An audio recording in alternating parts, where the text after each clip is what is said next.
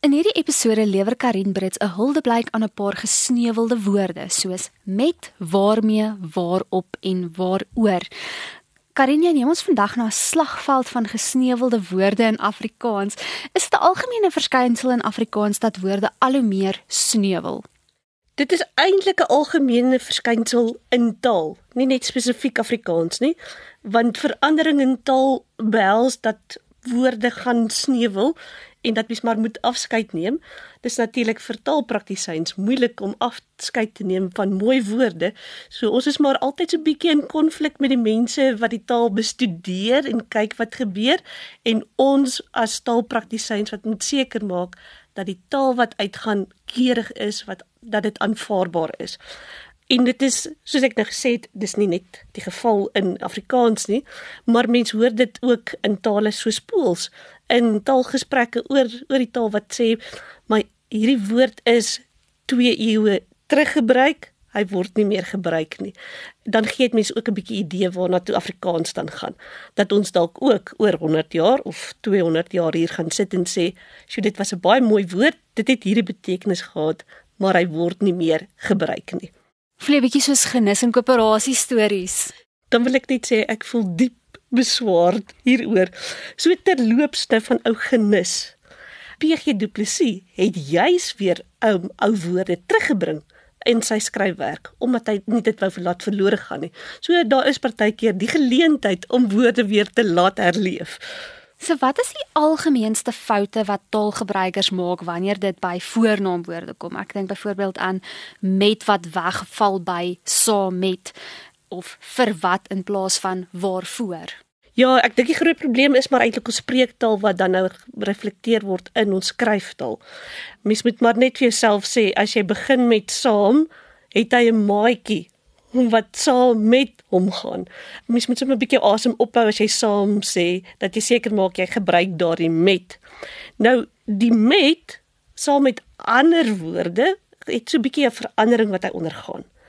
Ons sê in ons omgangstaal vir wat? Vir wat? Dis heel normaal om te sê vir wat as jy so met iemand anders praat, maar sodra jy begin skryf, dan is daar 'n formule. Vir wat moet jy net omruil daai wat word waar en die vir word voor. So jy moet eintlik so 'n bietjie weer na jou wiskunde gaan kyk van taal. As jy 'n wat en 'n met bymekaar sien en dit is in 'n sin en dit hierdie twee sinne aan mekaar koppel. Kyk, want dit is 'n voornaamwoord verwys weer terug na 'n ander selfstandige naamwoord, dan moet daardie wat in met waarmee word. En die wat plus op word waarop. En die wat plus oor word waaroor. Sodra jy hoor jy praat met wat met of wat op of wat oor, moet jy so 'n bietjie stil staan, gaan gaan jou wiskunde doen en net dit dan waarmee waarop en waaroor maak. So jy het nou gesê wat die algemene foute is en jy het nou vir ons mooi verduidelik, maar het jy dalk 'n paar voorbeeldsinne vir ons om dit te illustreer? Goed, ek het 'n paar sinne. Ek gaan eers vir die verkeerde een gee en dan gaan ek vir die regte een gee. En kyk of jy terwyl ek dit in die verkeerde vorm al kan regmaak na die regte vorm toe. Die studente by akademia word fonties genoem, so ek gaan nou gou 'n fontie voorbeeld gee. Met wat skryf die fonties hulle toetse? Dit moet wees waarmee skryf die fonties hulle toetse? Kan ek myself gou onderbreek. Ons het nou gepraat van voornaamwoorde en betrekkelike voornaamwoorde. Daardie waarmee verwys natuurlik na die penne. So as jy nou wonder, waar waarom gebruik ons nou hierdie terminologie betrekkelike voornaamwoorde? Dit is hoekom. Die volgende voorbeeld. Die studente kyk na die bord op wat die student skryf. Die studente kyk na die bord waarop die student skryf. Die dosent het die studente op die spens laat weet oor wat hulle toets gaan skryf.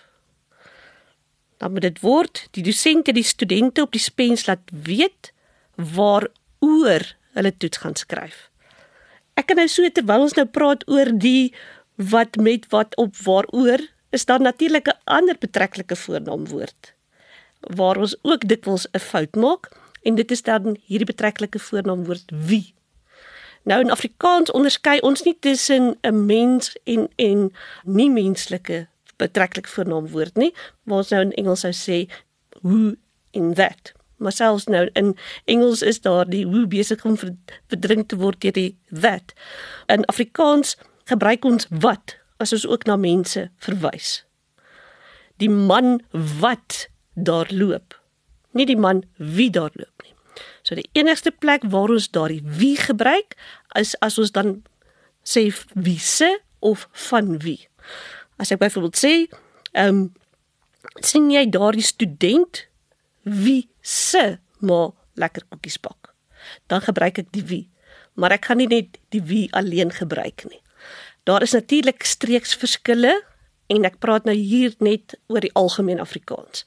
Ehm um, mens gaan natuurlik in ander streke in omgangstaal gaan jy die wie hoor, maar as ons dan 'n goeie algemene Afrikaans wil gebruik, dan is dit wat en nie wie nie. Hoe maak 'n mens seker dat jy woorde korrek aanwend? Het jy dalk 'n paar wenke?